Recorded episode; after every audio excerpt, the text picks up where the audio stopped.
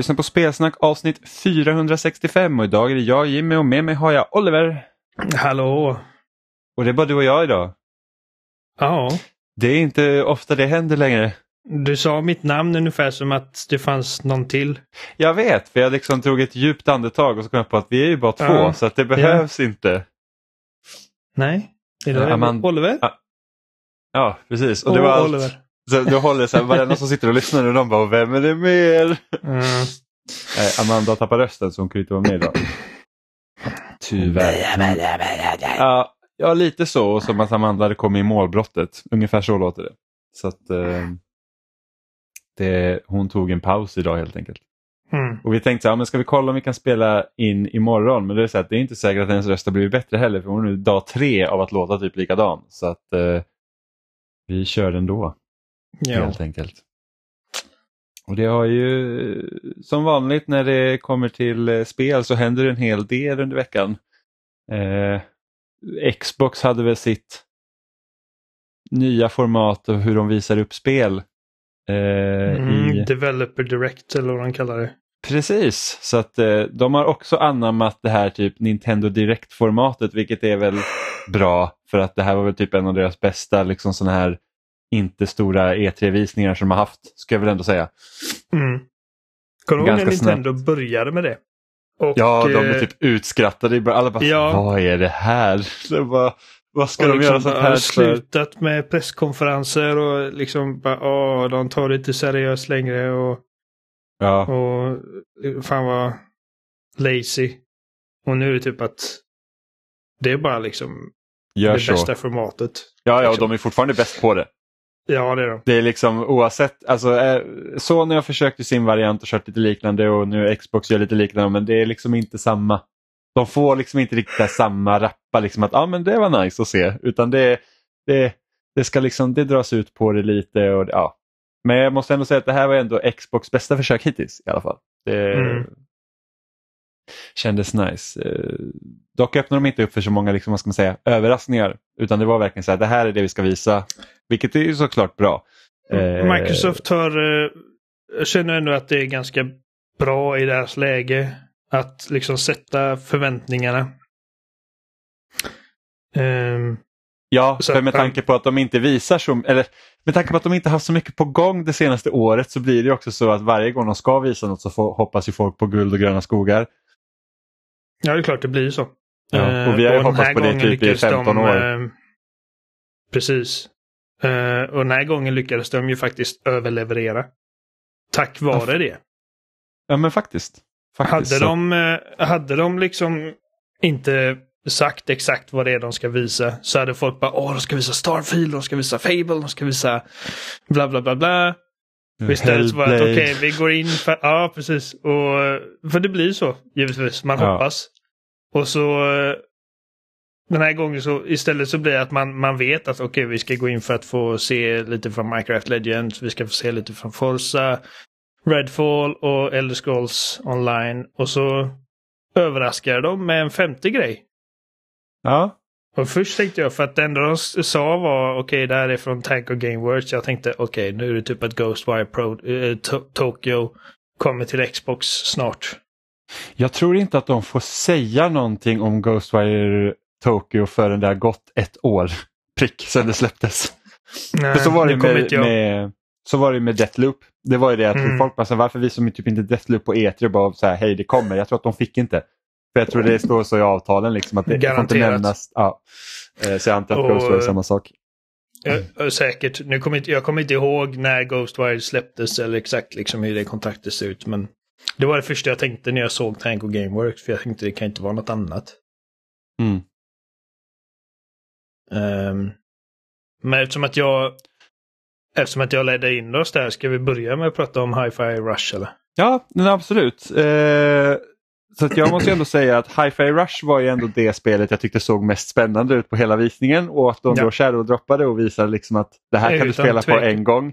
Så var det ju en väldigt rolig överraskning. Liksom. Du behöver inte, du behöver inte liksom sitta och vänta på det och du behöver liksom inte heller bygga upp en förväntan på vad spelet är för att du liksom kan i princip sätta dig på en gång och spela det. Väldigt okonventionellt sätt att, att liksom visa och släppa ett spel. Ehm, Ja, och det här spelet har ju liksom, det har typ läckt konceptbilder från det här spelet som inte har sett ut så, liksom, man har inte ens kunnat gissa att det var det här de hade utvecklat. För att jag tror typ den konceptbilden jag sett tidigare när det typ ryktats om vad Tango håller på med, den, liksom, den var inte liksom så här stiliserad och cellshaded utan det var ju liksom mer alltså, verklighetstroget utseende. Ja, för det är ju verkligen inte vad man hade förväntat sig från den studion. Och, och de gör ju en grej av det i trailern också, liksom och säger from the creators of Evil Within, yes seriously. Ja, och sen Evil liksom. Within 2 obviously. Ja, det var så jäkla precis. roligt. Liksom, eller naturally eller vad det stod. Ja, och även, liksom, även Ghostwire, även, även om det inte är liksom ett uh, regelrätt skräckspel så är det ändå liksom i samma, ska man säga, värld av så här, spöken och spooky grejer. Och så kommer mm. detta. Uh, liksom helt cellshadat. Liksom nästa, det är omöjligt för mig att inte tänka på Sunset Overdrive när jag ser det. Ja, gud, det var det jag tänkte första gången. Jag bara, det där uh, ser ut som typ en spirituell uppföljare till Sunset Overdrive. Även om de är uh, väldigt olika spel. Otroligt olika. Uh, alltså, att, nu... Sunset, Sunset Overdrive är liksom en typ open world shooter. Uh, Medan detta är mer liksom en, en linjär traditionell liksom beat'em eller typ Devil May Cry blandat med Metal Hellsinger. Så här rytmbaserat. Ja, ja, jag skulle typ säga nästan som ett platt, action-plattformsspel från typ Alltså PS2-tiden? Ja, Dreamcast. Alltså ja. Det, det, är typ, eh, jag såg någon beskriva det som Devil May Cry möter Jet Set Radio. Ja, men det skulle och, kunna vara en ganska bra beskrivning. Och, eh, och just det liksom att, att, att utannonsera ett spel från en första part studio. Som, alltså de är ju det nu.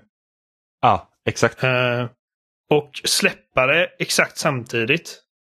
Inte exakt, det dröjde ett par timmar innan det släpptes, men, men liksom den kvällen. Mm. Uh, det, det är rätt ballsy liksom för att man undgår liksom hela liksom den här marknadsföringspushen och grejer som, som, som man tänker liksom måste hända för, för liksom AAA-spel. För att de ska ja, ha en chans precis. att klara sig. Men uh, men eftersom att de har Game Pass så är det en sån här grej som de har liksom råd att experimentera med. Och jag tror att det har lönat sig. För att varenda, ja. liksom, alla som, eh, som prenumererar på Xbox Game Pass, liksom, de har, de, de, det är bara att gå in och testa det. Ja men precis och liksom just för att det, det, helt, det, det blir också, de fick en ganska direkt bass på det också. Eh, mm. Just med att det kommer showcase samtidigt. Hade man hade du sagt att ah, men vi släpper det här om en månad på Game Pass, då tror jag att det hinner liksom svalna ner också när mm. det väl är dags för släpp. Eh, nu tror jag till och med att folk som kanske vanligtvis inte hade velat att ah, men det där vill jag spela, liksom, ah, men jag kan ju testa det då. Liksom man, är, man är lite pepp efter visningen, så att ah, men här var några spel som jag kanske vill spela och så bara, men jag kan testa det här på en gång. Och så kanske man hittar något man gillar eller inte gillar. då. Eh, så att visst, Game Pass gör ju det absolut möjligt. Eh, men vad tycker du om spelet då? Eller har du spelat det? Jag visste inte ja, att du hade spelat det. Ja, ja. Jag har spelat det. Uh, jag tror att jag har spelat tre banor eller någonting. Mm. Det är mm. ganska långa banor så att jag kanske har spelat fyra timmar. Mm. Och jag tycker att det är alltså väldigt charmigt. Um, jag, jag, jag har jättekul med det. Verkligen. Det, det, det, det känns som Ja, det bara känns kul att Xbox har någonting spännande, äntligen. Mm. På sin plattform. Och eh, jag älskar designen. Även om jag liksom... Um, alltså det, det, det är ju lite så här, som sagt, Sunset Overdrive det är så här, lite väldigt så här, typ punkrockigt i sin uh, stil. Mm. Uh, men den liksom hel, liksom nästan, ser nästan ut som en anime. Um, och det är, liksom och det är jättesnyggt animerat också. Alltså det, det ja. ser verkligen riktigt bra ut. Eh, väldigt snyggt animerat. Och den liksom här punkrockstilen gör sig väldigt bra i den stilen. Mm. Uh, så att alltså det, det, är liksom en, det är en fröjd att bara se på. Och det är väldigt uh, liksom lekfullt och uh, imaginative. Um, det känns bra att, liksom, att slåss med... Man har typ en elgitarr som man slå, slår ihjäl robotar med. Mm. Och gör det liksom på on the beat. Man har olika kombos och specialattacker. Mm. Och så får man liksom attackera då med, alltså i takt så att du har ju till exempel den här alltså vanliga attacken som man gör på X till exempel, den, den går ju liksom, Mm. man ska säga, fyrtakt, alltså om, om, om det går i fyrtakt medan typ Mm.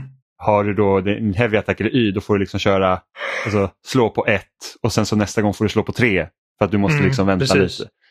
Eh, till exempel. Det, Och hela det är världen liksom- rör sig i takten också så att allt i världen ska få dig liksom att komma in i takten så att säga. Liksom, eh, fiender slår i takt, liksom, alla omkringliggande liksom, eh, alltså i miljön liksom, är det typ eh, lampor eller liksom skärmar och allting sånt. Så de håller Eh, också takten hela tiden så att det ska precis göra det allting. lättare att hålla igång. Eh, och sen oavsett när din karaktär slår, alltså när du trycker på knappen så kommer karaktären att slå på takten. Så att även Ja. det ska liksom kunna hjälpa dig att komma in i rytmen.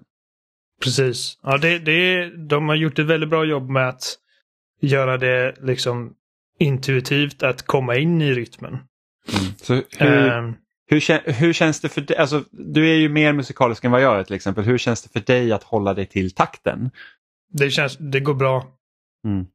Det är alltså, jag tror att det kan ta liksom några sekunder för min hjärna liksom att växla om varje gång eh, en, ett nytt musikstycke börjar. Men eh, som sagt, när man väl kommer in i the groove så, så är man där. Och, och det är också, det, det är mindre oförlåtande än vad Metal Hellsinger är. För att där, Mm. liksom, där, där blir du slaktad ifall du inte kommer i, in i takten. Ehm, här är det lite mer liksom att de, de ger dig mer sväng, ut- svängrum. Och Mm. eh, som sagt, liksom att allting i världen och liksom även fiendernas attacker kommer på the beat. Och även om du fuckar upp tajmingen med dina knapptryck så som sagt animationerna kommer ut i takten. Ehm, Mm. Så att du kan liksom lätt göra liksom ehm, adjustments. Ehm, och det, är som sagt, som du sa, liksom lampor. eh, det är typ brunnlock studsar i takten och liksom allting. Det är en väldigt animerad värld liksom. Mm. Men även cutscenesen går liksom i takt. Eh, ja, det kan jag det. Har jag inte tänkt på. Mm. Nej, tittar, coolt. allt, allt liksom är typ, alltså takten orkestrerar typ alla händelser, typ hur personer pratar ibland och hur de liksom gör. Alltså det var typ bossen på andra banan var ju väldigt bra gjord efter takten för det var liksom så att även bossen, liksom, när den skriker skriker den i takt. Så det var liksom väldigt så här, okej, så här, ett, två, tre, nu ska jag dodga liksom. Eh, som Mm. gör det liksom lättare då. Eh, dock har inte jag haft det jättelätt att hålla takten alltid. Alltså jag hamnar ofta under 50 Och jag tror att det beror på att hur mitt ljudsystem är uppsatt. Så jag kör den optiska kabeln mellan Xboxen och min receiver. Eh, vilket gör att jag tror att det är en liten delay i mitt ljud. För att när jag skulle kolla på kalibreringen när man liksom ska få flytta den här mätaren till alltså att här hör jag bitet och här kommer bitet. Så hade jag väldigt långt till höger så att spelet bara, du kan inte ha det här för det kommer liksom inte kännas bra att spela. Så jag var så här, äh, okej då får jag liksom flytta tillbaka. Eh, så att jag känner liksom att när jag tycker att takten går så är jag alltid fel. Så att jag har tyckt att det är lättare för mig att, så här, att jag slår en gång och när jag ser att min karaktär slår takten, då kan jag liksom utgå från det slaget. Oftast. Men du får gå in i inställningarna. Jag har varit inne i inställningarna men jag behövde flytta min mätare så långt till höger att det stod att spelet så att du kommer ha så mycket delay så att inget annat kommer kännas bra. Jaha. Så jag vågade inte trycka igång det. Eh, jag borde egentligen testa det igen. Eh, för att ofta i spel så brukar du ofta få du får ju höra bitet och sen får du trycka när du hör bitet och sen kalibrera spelet om efter dig. Men här är det inte så utan du flyttar på en mätare när du tycker att bitet hörs och när den här liksom staven kommer upp på något sätt. Så det, Mm. det är en liten annan kalibrering. Så jag måste gå in och titta igen om det fungerar bra. Men jag tänkte att jag kanske vänjer mig men det går sådär. Ex- experimentera med det i alla fall. Se Mm, jag får göra det. Eh, men jag tycker att det är en väldigt rolig idé. Sen känns ju, alltså typ, det är väldigt mycket plattformar också. Jag tycker väl att kanske inte att, jag hade varit, tyckt att det var skönt om spelet faktiskt hade typ en ledge grab. För att ibland känns hoppandet lite styltigt. Eh, Ja, man glider av kanter ibland. yes. Det är som det att det är liksom ett litet eh, extra osynligt hinder på vissa pla- plattformar. Ja, och speciellt typ om man ska hoppa och sen dodga. Alltså att man liksom typ, Mm. eh, ska på en avsats som ligger lite längre bort och så ska man försöka dodga dit, då, då känns det så här att ah, det känns inte, alltså hade man bara haft en liten ledge grab här så hade det liksom varit kanon. Eh, med tanke på hur mycket liksom plattformarna egentligen gör också. Ja, jag är imponerad för att det är liksom, alltså the main hook är liksom att slåss och göra kombos till takten. Men det är så mycket mer än så också. Det är, liksom, det är mycket utforskande i skrymslen och uppgraderingar att hitta och plattformande och, och menar, du åker på rails, eller ja, inte som man gör i typ Ratchet Clank, men eh, du typ hänger från den med en sele. I princip. Mm. Men, men sådana grejer, liksom, det, det, jag tycker de, de gör mycket för att liksom bryta upp eh, tempot och introducera nya roliga grejer. Ja, eh. verkligen. Alltså det är inte som att man bara liksom så hoppar på några avsatser och sen så går man och slåss utan det känns Nej. verkligen som att de här banorna Alltså det känns verkligen som att man liksom spelar alltså ett spel från typ Playstation 2-eran för då var det ofta så här. Det var liksom, ja men du, du, du har några banor, du hoppar, du slåss lite mot fiender och sen så finns det typ, man kan nästan kalla det typ minigame element i spelet, att nu gör du någonting helt annat. Eh, för det och vet det jag att, ju... Det som vi liksom ofta pratar om liksom med open world-spel det är ofta att du hamnar i den här monotona eh, gameplay-loopen där du ska göra liksom samma mm. sak i typ 70-80 timmar. Liksom att det är verkligen så att det är det här du gör. Liksom, timme två är inte mycket annorlunda mot timme 50. Det enda är att du är starkare och du möter kanske starkare fiender men annars är det väldigt mycket samma sak. Eh, mm. Eh, här så är det verkligen så att från, från bana till bana och även i banorna så känns det verkligen som att de har liksom sin egen prägel på det. Och att man liksom säger att ah, men nu har jag gjort lite plattformshoppande ett tag, då kommer en strid och nu har jag slåss mot eh, x antal fiender, ja men då kommer det här momentet som du inte har sett förut så det är väldigt roligt. Mm. Som introducerar typ, eh, eh, vad heter det, parrying en bra bit in i spelet. Och nu har vi mm. plötsligt ett, ett helt nytt eh, element till striderna. Mm. Um, så alltså, men det, det reflekteras liksom i om man kollar spelets pedigree för att spelets lead designer eh, Masaki Yamada.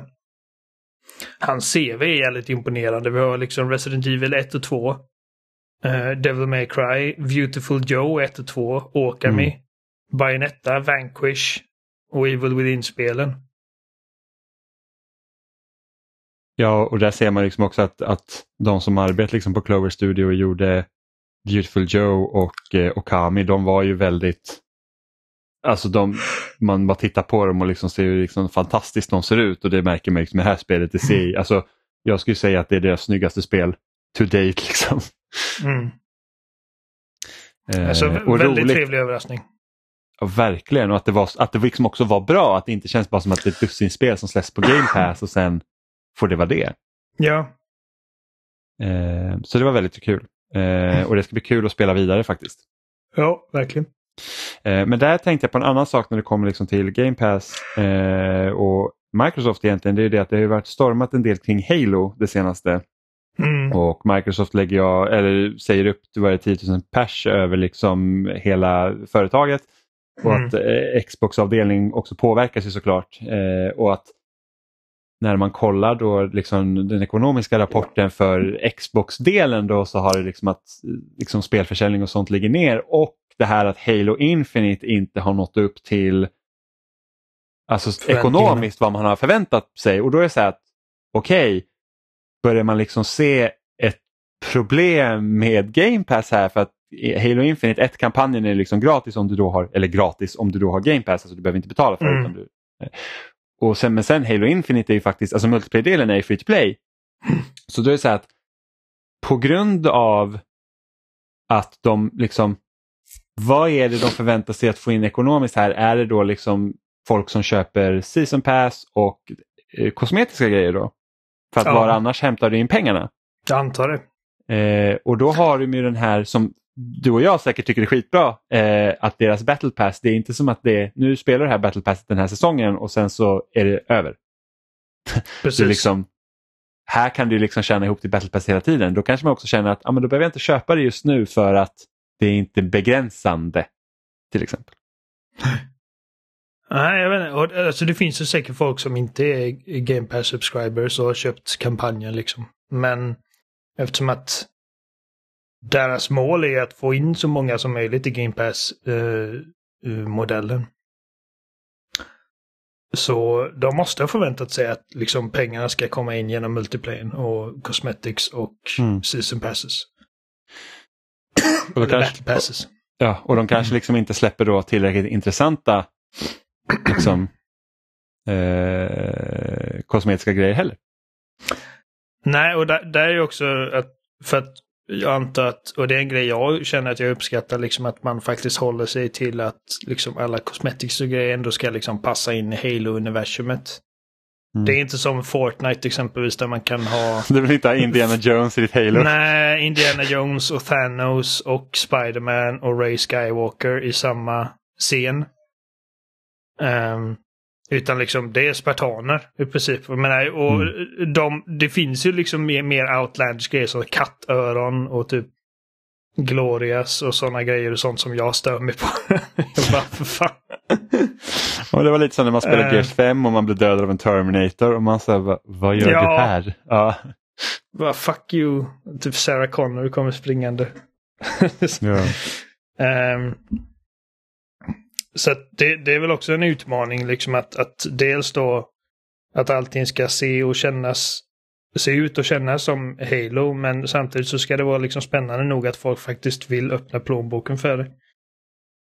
Um, jag vet inte. Det, och det, det började liksom tisslas och tasslas runt när, när de här uppsägningarna hände.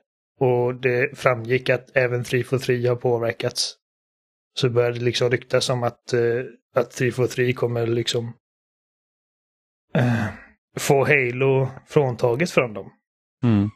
Ehm, och att de kommer agera mer som publisher. Ehm, men det har de dementerat. Och eh, jag vet inte. Jag, jag vet att det finns folk som, som hoppas på liksom att okej, för att eh, det finns massor av folk, i alla fall om man kollar på Twitter och grejer, liksom, det är ju säkert en vocal minority, men som säger att Åh, de borde ta Halo från eh, 343 och ge det till vem som helst egentligen. för att de är så missnöjda med Ja. hur 343 har skött det sen och fick det. Och jag känner att eh, 343 eh, de har aldrig varit liksom on point med någonting men de har alltid lyckats göra liksom någon aspekt jävligt bra. Mm. Som Halo 4 tycker jag att de gjorde en bra kampanj. De misslyckades med multiplayer och Halo 5 tyckte jag att de gjorde en skitbra multiplayer men misslyckades med kampanjen. Eh, Halo Infinite så, så, så har det varit liksom att ja, det har varit en bra kampanj och det har varit bra multiplayer. Men det är allt runt omkring som har failat. Liksom Mm. att man inte hade co-op på plats för ett år efter. Eh, och Forge. Och att det tar liksom evigheter mellan varje Battle Pass och säsong. Eh, trots att Mm. det ska liksom vara liksom ett live service-spel. Som inte är särskilt mycket av en live service. Det, det är verkligen misskött. Mm. Ehm, och nu Jace, eh, Joe, Joe Staten lämnar 343. Jag tror att det var många som kände liksom en viss trygghet när han joinade. Eftersom att han Mm. kommer från Bungie. Ehm, men eh, jag antar liksom att nu har han liksom fått chansen att styra dem i rätt riktning och att han inte nödvändigtvis måste vara på plats längre. Jag vet inte. Nej, men precis.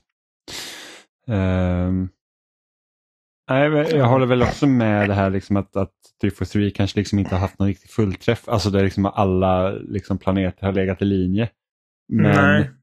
sen så är det ju också så att alltså, spellandskapet är helt annorlunda idag än vad det var när liksom Halo var på topp med Halo 3 till Ja. exempel. När alla spel inte hade multiplayer. Alla spel hade inte liksom, alltså de multiplayer-spelen som verkligen kommer loss också blir liksom, det är det vad de är. Och, och det är inte bara Halo egentligen som har haft problem med att både liksom supporta en kampanj och multiplayer och sen försöka hålla igång det. Alltså titta bara på Battlefield till exempel. Mm. Och där är ju en serie som har liksom haft stora problem ända sedan egentligen Battlefield 4. Liksom att, att, att faktiskt få någonting att hålla och sen så har du då liksom en, en utgivare som säger att ah, men nu måste vi börja göra nästa Battlefield medan om man tittar på de mest liksom, kommersiellt gångbara multiplayer-upplevelserna de senaste åren, det är liksom det är det. Alltså de släpper sitt spel och sen så håller de igång det. Alltså titta på Rocket Ja. League till exempel, ett spel som kom ut 2014, 2015, 2014 tror jag. Det är fortfarande folk som spelar Rocket League eller Fortnite. Det är inte som att folk sitter och väntar på Fortnite 2 nu utan det är liksom Fortnite är Fortnite.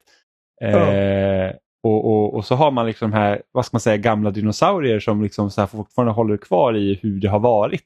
Alltså titta på Overwatch, det är ett spel som liksom lever lite i gränslandet. Du hade Overwatch 1 eh, som kom ut liksom och får säga, ja men här har vi ett multiplayer-spel och det kostar fullpris och, och så köper folk det och har skitkul och sen så kommer Overwatch 2 då och som egentligen är en uppdatering av Overwatch 1 och så blir ja det är liksom väldigt Alltså jag tror att de har väldigt svårt att liksom orientera sig i hur man ska ska hantera det för att Halo kan kanske inte bara vara ett multiplayer-spel för att folk spelar det för kampanjen. Och det kan kanske inte bara vara en kampanjspel för att folk Nej. spelar det också för multiplayer. Och då är så att, vad gör man då? För att du kanske inte kan hålla igång Halo multiplayer då som de pratar om inte ska vara en 10-plan och sen så lämnar man bara storyn därhän. Alltså det, det är jättesvårt och jag, jag tror inte att det är riktigt någon studio som har löst det. Nej. Det, alltså, jag, det är en bra poäng för jag tror absolut att det har eh, precis lika mycket som det är liksom dåligt skött på ett liksom, vad ska man säga, eh, planeringsplan så, så är det också att landskapet ser så annorlunda ut idag än när Halo var liksom störst herre på täppan. Ehm, och Halo är liksom en av få spelserier där jag känner liksom att kampanj och multiplayer är exakt lika viktigt för mig. Mm. Liksom att jag, jag behöver liksom nästa del i berättelsen för varje nytt Halo-spel. Så hade det kommit ett Halo som bara är kampanj eller hade det kommit ett Halo som bara är multiplayer, det hade inte räckt för mig. Liksom. Nej, och jag var inte heller liksom riktigt förtjust när de pratade om Halo Infinite också, den här tioårsplanen. För då vet jag att jag kommer inte spela Halo Infinite Multiplayer i tio år. Liksom aktivt. Eh, och jag vill liksom inte liksom vara fast på den här ringen kampanjmässigt heller om det är bara expansioner dit det kommer. Liksom. Utan Mm. jag vill ju ha den här jag vill ha ett nytt multiplayer-läge för att jag tycker liksom att ah, vad har de gjort den här gången, gud vad spännande. Och jag vill också ha liksom en helt ny kampanj som inte är bunden till liksom samma plats. Heller. Mm. Så att eh, Ja. jag är typ den jobbiga kunden då som bara säger att jag vill bara ha nytt. Ja, precis. Ehm, så att, ja, det men, det, men som sagt, och det är ju inte enda spelserien som har det här problemet heller. Liksom, även om COD säljer typ, alltså de säljer ju liksom jättemycket exemplar varje år och liksom ligger i topplistan hela tiden. Men de har ju också liksom det här problemet med att kunna ha en kampanj och sen liksom ha multiplayer och sen lägg till dessutom Warzone på det. Mm. Liksom att helt plötsligt har du liksom tre pelare i, i Call of Duty som ska liksom supportas hela tiden. Eh, och hur gör man det? Liksom? Det, inte ens de har lösningen även om spelserien säljer bra varje år. Nej. Så det är väldigt knepigt. Eh, men det, vi får se vad som händer helt enkelt. Eh, mer som visades på på Xbox Showcase det var ju Minecraft Legends som jag kan tänka mig att du är minimalt intresserad av. Ja, verkligen. Ja, jag, har eh, verkligen inget att säga det. Nej, jag, jag, så här, jag gillar ju Minecraft som alla vet eh, och jag tycker att det jag kan väl inte säga att jag är så superpeppad på Minecraft Legends även om jag är väldigt nyfiken på hur de liksom har tacklat så ett, ett realtidsstrategispel med Minecraft. Jag tyckte Minecraft Dungeons var jättekul. Även om det inte så var att wow, det bästa som jag spelat. Men det, det liksom kan vara ganska kul. Eh, men sen visar de också upp Forza Motorsport som är nästa Forza helt enkelt. Mm. Eh, och jag har inte spelat ett Forza, alltså simulatordelen av Forza sedan Forza 3. Oj, det är ett tag sedan. Det är jättelänge sedan så det ska bli kul att testa när det här kommer. Men du hade så här införskaffat ratt och grejer nu också även om jag fick också veta att det inte kommer funka med din Xbox. Men jag tänkte du är lite mer så här high då på simulatorgrejen. Jag, alltså, jag gillar Forza Motorsport. Jag har spelat varje del sen trean.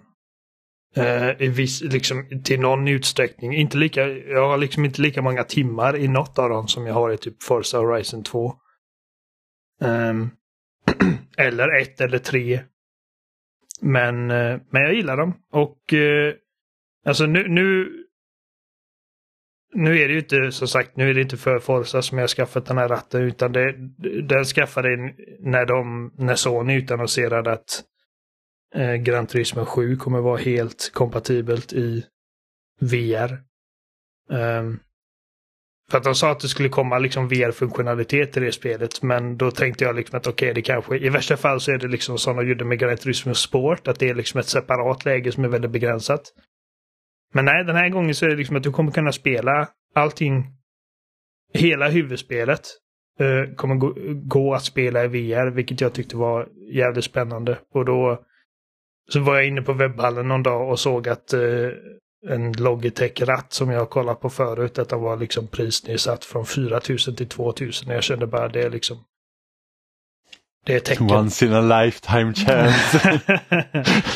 så jag skaffade en sån och så den billigaste liksom så här racingstolen eh, heter Playseat Challenge och eh, den är jag menar folk som är riktigt så här liksom racing rig entusiaster hade ju fnyst åt den men den funkar mina, den funkar för mina liksom eh, syften. Den, ja, den men går... riktiga hardcore racing-fans som sitter så här, de har ett extra rum i källaren som ja, ser ut precis. som en insidan på en jäkla rallybil. Liksom. Så ja. när de sätter sig där, spänner fast säkerhetsbälte och allting, måste vara full Med immersion. liksom officiellt licensierad hårdvara från liksom riktiga biltillverkare. Och... Ja precis, och en liten och... garderob där med deras liksom racing-outfit med hjälm och grejer. Ja. De har hårdvara för typ en miljon kronor. Um... Men, men den här är bra för att liksom det, alltså det, den är ju marknadsförd för sådana som mig då. Alltså liksom folk som vill spela racingspel med mer än bara en handkontroll men inte har liksom utrymme för det. För man kan, när man är klar med den kan man bara vika ihop den och slänga in den i ett uh, skåp. Ja, ah, nice.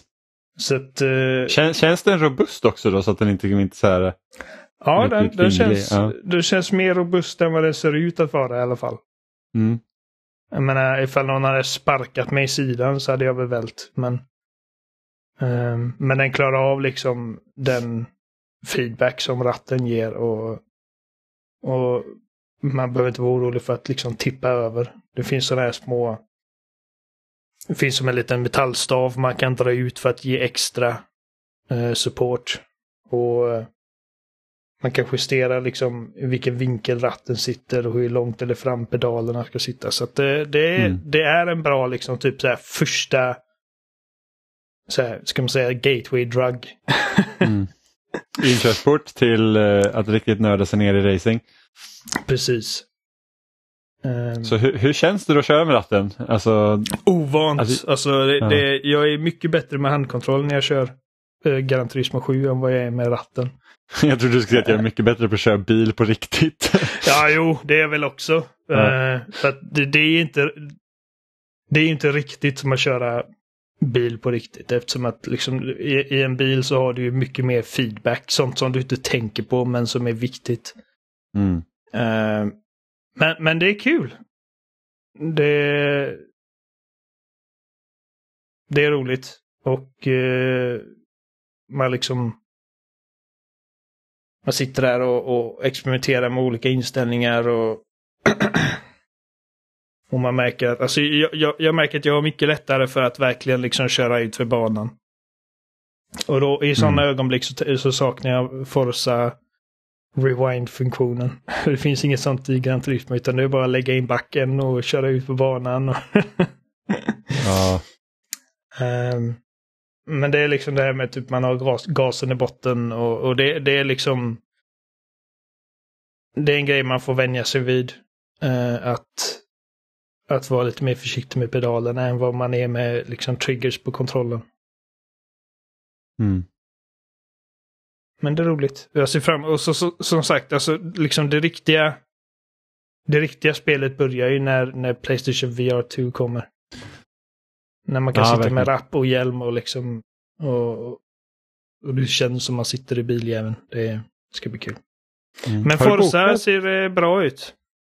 Ja men det gör det. Det, det. det, gör det faktiskt. Även om jag säger att varje gång de visar Forza på en sån här grej så jag så att ah, ja, det är snyggare bilar liksom. Det, är liksom, ja, det säger mig inte så mycket. Det, det, det, Och så här, samma banor man har spelat sedan typ 2001 också. Det är liksom man bara, mm, det här är vad den här ja, banan de, nu heter från ett land jag inte har varit i. Liksom. Nur, Nürburgring och... Ja, alltså, ja exakt. Det, det är lite det, för, för, att de använder ju riktiga banor och de riktiga ja. banorna är liksom vad som finns. ja, ja, precis och jag kan tänka mig att är man liksom, nu var den här det var den sydafrikanska banan va, som, eh, Mm. som de aldrig har haft med förut. Jag kan tänka mig att typ folk som verkligen så här gillar motorsport är ju såklart head over heels över det. Men för mig som är så här, Mm. det är en ny asfalterad väg. Vad roligt. Så att, eh, Nej, ja, men, alltså, men det ska bli kul att testa. Liksom. Det är ja. ändå det, något som jag alltid gillar med Forza är att bilarna känns eh, Alltså jag tycker att de har absolut bäst känsla för bilarna överlag. Alltså när man sätter sig i en Mm. bil och kör iväg med den. Och det var det jag gillade med Forza Horizon. var ju det att nu tog man liksom en arkadracer men bilarna kändes fortfarande liksom mer som riktiga bilar. Mm. Eh, och det är därför jag har så svårt att spela andra arkadraces nu för att det är mer som så plast och leksaksbilar i jämförelse. Men eh, ja, så får vi se när det kommer då. Eh, Ja, för det fick vi inte datum för, vilket jag Nej, blev förvånad över. och, för, och på E3 förra året, så, eller ja, E3 inom parentes, eh, så sa de ju att alla spel som visades där då skulle släppas inom det året då, alltså från eh, juni till juni. Då. Eh, och med tanke på att det här inte fick något datum så är det risken finns ju att, att det puttas över. Alltså att det Ja. inte kommer släppas det här halvåret. Då. Eh, Man kan ju säga att det- liksom att allt det här ska släppas inom ett år, men man vet ju aldrig riktigt. Nej precis, Liksom. man vet aldrig vad som händer och liksom förhoppningen är att man kan släppa den ett år. Så det, det får man ju se. Eh, när vi såg Redfall första gången så skulle det släppas eh, sommaren 2022. Så, Mm. och det gjorde det inte. Eh, men vi fick se mer från Redfall faktiskt. Eh, och Jag Ja. är lite nyfiken på hur du känner inför det spelet. Jag känner väldigt lite inför det spelet, ärligt talat. Eh, jag känner att liksom bara på ytan så är, kan jag... Ursäkta. Kan jag känna att uh, inget spel Arcane har gjort sedan Dead, eh, Dishonored eh, har känts så här ohett. Mm. Att det ser lite ut som Left 4 Dead med vampyrer i princip. Vilket, men jag älskar Left 4 Dead men, men det är egentligen bara Left 4 Dead som är så bra. Back for Blood gjorde inte så mycket för mig. Um, det, så detta spelet är liksom, jag är där, så- alltså dag ett så kommer det spelas, men det är helt baserat på studion som gör det, snarare än vad jag fått se från spelet. Mm. Så att jag förlitar mig på liksom att, att eh, liksom det kommer klicka när jag väl spelar det. Men jag känner samma sak för att jag var ju inte heller sugen på Prey när det kom.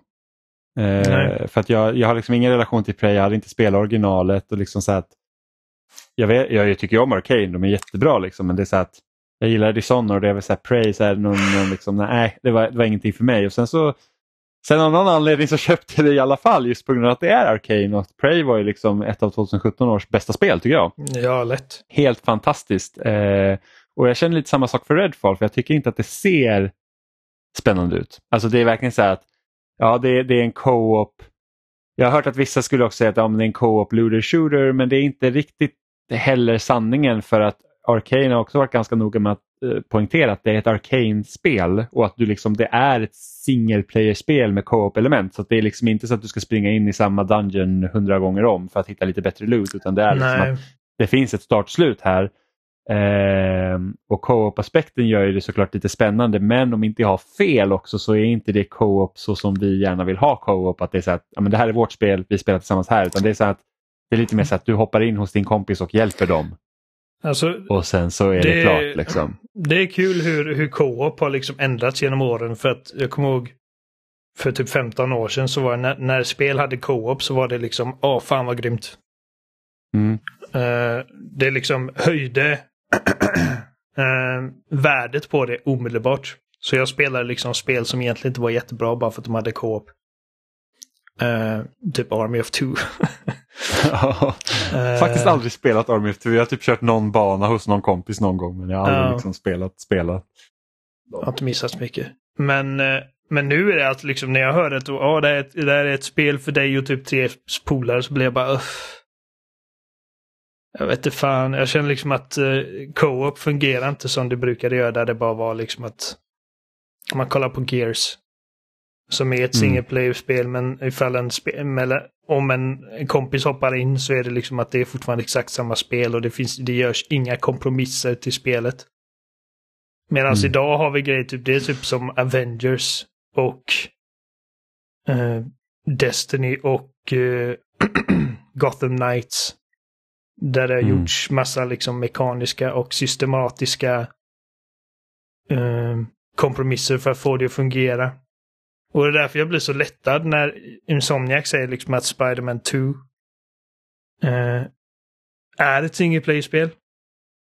Mm. Eh, trots att de har två Spiderman.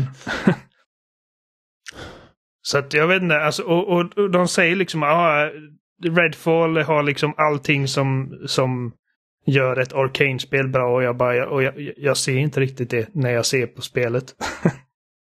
det ser Nej, ut men som det- en liksom... Men det var lite samma sak man kände för Deathloop egentligen. Det var liksom så att man var så här, ah, du vet, jag vet inte. Men eh, de löste ju den också trots att den hade en form av multiplayer i sig och det var liksom en, en, en ett alltså man kan säga att det var ju lite inspirerat av roguelikes till och med. Men Det funkade. Ja, jag menar första gången jag såg eh, Deathloop så var jag inte övertygad. Men det, men det, det satte till slut. Jag, liksom, jag fattade grejen med det. Eh, Mm. Och det har inte kommit med Redfall riktigt än. Jag tror att det kommer när man sätter sig med det och spelar det. Ja, och så får man se om man gillar det eller inte. Det är Precis. det, det är inte säkert att man gör det heller. Det är det jag hoppas. Men sen är det också Men- liksom... Eh, då är jag nyfiken på de här kompromisserna som har gjorts för att få det att fungera i multiplayer. Mm. Och, det, och det är det jag inte tycker om det här med att, liksom att det får inte vara vårt multiplayer-spel. Alltså det är inte vår kampanj. Utan det är min kampanj och du kan hjälpa till. Och sen Mm. så får du gå och spela din kampanj. Det är det jag inte gillar. Jag vill Nej, liksom så här, vill jag spela co-op så vill jag att då spelar vi tillsammans hela tiden och vi får samma progression. Annars är det ju inte, alltså vad är det för någon mening med att vi hjälper till lite varandra ibland och sen så går jag till mig liksom. Och så bara, ah, Precis. Så det är meningsfull co-op. Det är det jag känner Ja. man har missat lite de senaste åren med co-op-upplevelser. mm. Att det är liksom ytligt och det är flyktigt.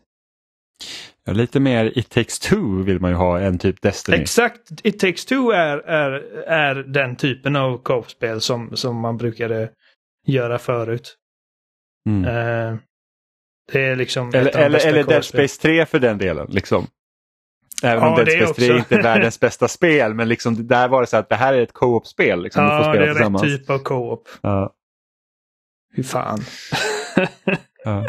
Men liksom, och sen så tar man en annan serie liksom då som har egentligen lyckats bra med co-op där, där man egentligen inte tar beaktning att nu är ni två olika personer. Det är ju Halo.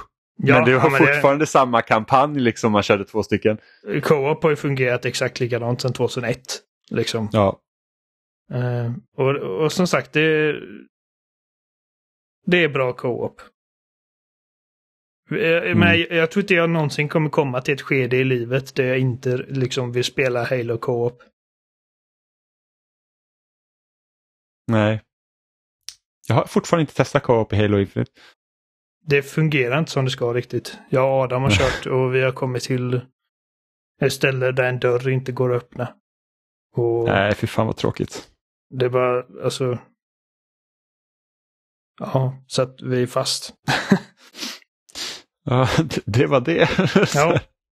Co-op, yay.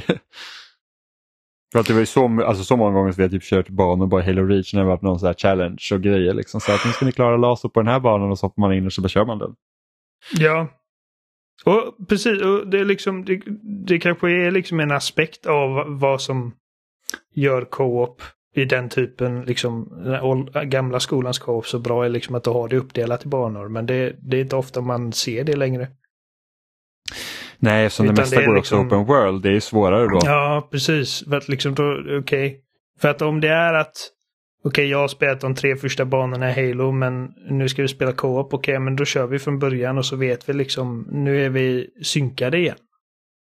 Medan Ja, i Open. World så är det liksom, okej, eh, om du joinar mig och jag har kommit lite längre än dig, hur, hur, hur speglas det mekaniskt då? Liksom, är du mycket starkare än mig och måste liksom och bara plöja dig igenom allting? Eller Mm. tvärtom? Ja, nej, det, det är bara sådana massa, massa frågor som, som Ja, jag vet inte. Jag, mm, jag blir bara stressad bara jag tänker på det. Mm. Borderlands är ändå en serie som har skött det ganska bra för att där, där kan man ju liksom hoppa in och ut i varandras spel när som också om man vill. Men det blir så här att jag får ju, om jag hoppar in i något annat spel och jag har gjort de uppdragen då kan jag fortfarande hänga på deras uppdrag även om jag har gjort dem. Eh, är det uppdrag som jag inte har gjort, då kommer, om jag sen väljer att spela själv, då kommer de uppdragen liksom också vara klara. Så att säga. Okay. Eh, så att man kan liksom spela isär och man kan spela ihop och liksom allt räknas. Kan man ju säga. Jag tror typ min största besvikelse när det kommer till co-op det var ju State of Decay 2. Det var Ja. så här, när, vi, när vi spelade ettan så var det så här att okej men hade det här varit co-op och vi hade liksom kunnat ta hand om vårt hus liksom tillsammans och sånt. Det hade varit skitkul. Och så kom tvåan och så var det sån här jäkla dålig co-op där det var så att du kan hoppa in hos mig och hjälpa till lite. Men det är liksom inte, Jag Du kunde egentligen bara döda där. zombies. Ja, och då är det så här, bara, what's, what's the point? Liksom att jag kommer ju inte spendera så jäkla mycket tid på det här spelet sen för att hoppa in hos någon annan och sen hjälpa till lite och sen återgå till mitt. Det är Nej. liksom, man vill ju bygga upp det tillsammans och man vill liksom även när man spelar någon annanstans så vill man ju fortsätta bygga på sitt. Ja, nej, det, State of Decay 2 är ett bra exempel på liksom co-op done wrong i min Mm. mening. För tänk om Minecraft hade varit så att du hoppar in i någon annans värld och sen så, men du kan liksom inte Du kan Bygga. kanske hjälpa till att mina lite men du kan liksom inte här, han, ta hand om de grejerna i den världen utan du kan ta med det till dig. Sen Mm. det hade liksom varit, nej gud vad tråkigt. Inte alls roligt. Ehm, och sen visar de också en ny expansion till Elder Scrolls Online men eftersom varken du eller jag spelar det så kan man inte säga att det är så här wow. Nej. Men överlag en bra visning att det är, det är i alla fall rätt format. Det var inte så Rätt mycket tv-shop den här gången. Bra tempo. Ja, och, liksom, och de hade säkert kunnat tajta till det till ytterligare. Det behöver inte vara 45 minuter liksom, på fem spel. Om så vill. Nej. Och jag tycker att de missade chansen att döpa Hi-Fi Rush till Hi-Fi Shy. Eftersom att huvudkaraktären heter Shy. Ja, jo, men faktiskt sant. Eh, Men ja, eh, ja. För att när jag, när, jag, när jag ska säga den titeln så vill min hjärna säga Hi-Fi Shy. Bara för att det rimmar liksom. Fast Hi-Fi Chai låter också alltså, det låter som ett skämt. Sen är det lite synd i Hi-Fi Rush att det är typ så här, huvudkaraktären är den tråkigaste karaktären. Av alla Ja. man träffar. ja, han är... eh, Bara Alltså, han ser väl- Ja, men, och sen också typ så här mall 1A, så här, protagonist. Mm. Så här, brunt, tufsigt hår. Och han, samma röstskådespelare som spelade Prompto i Final Fantasy 15. Jaha, det har jag inte ens tänkt på. jag bara, fan vad irriterad den här rösten är. I remember. Mm. Men... men ja, det gör sig helt okej. Men det, det drar inte ner spelet på något sätt. Nej, nej det gör det inte. Alltså det är liksom, det, det känns det känns väldigt ojapanskt i sitt skådespeleri så här långt. Ja, det gör det. Det känns mer japanskt liksom på speldesignplanet. Yes. Det. Men det, det var ju två personer som presenterade spelet. Det var Shinji Mikami. Och så Ja. var det en annan kille och han, han var ju... Han såg ut att vara amerikan.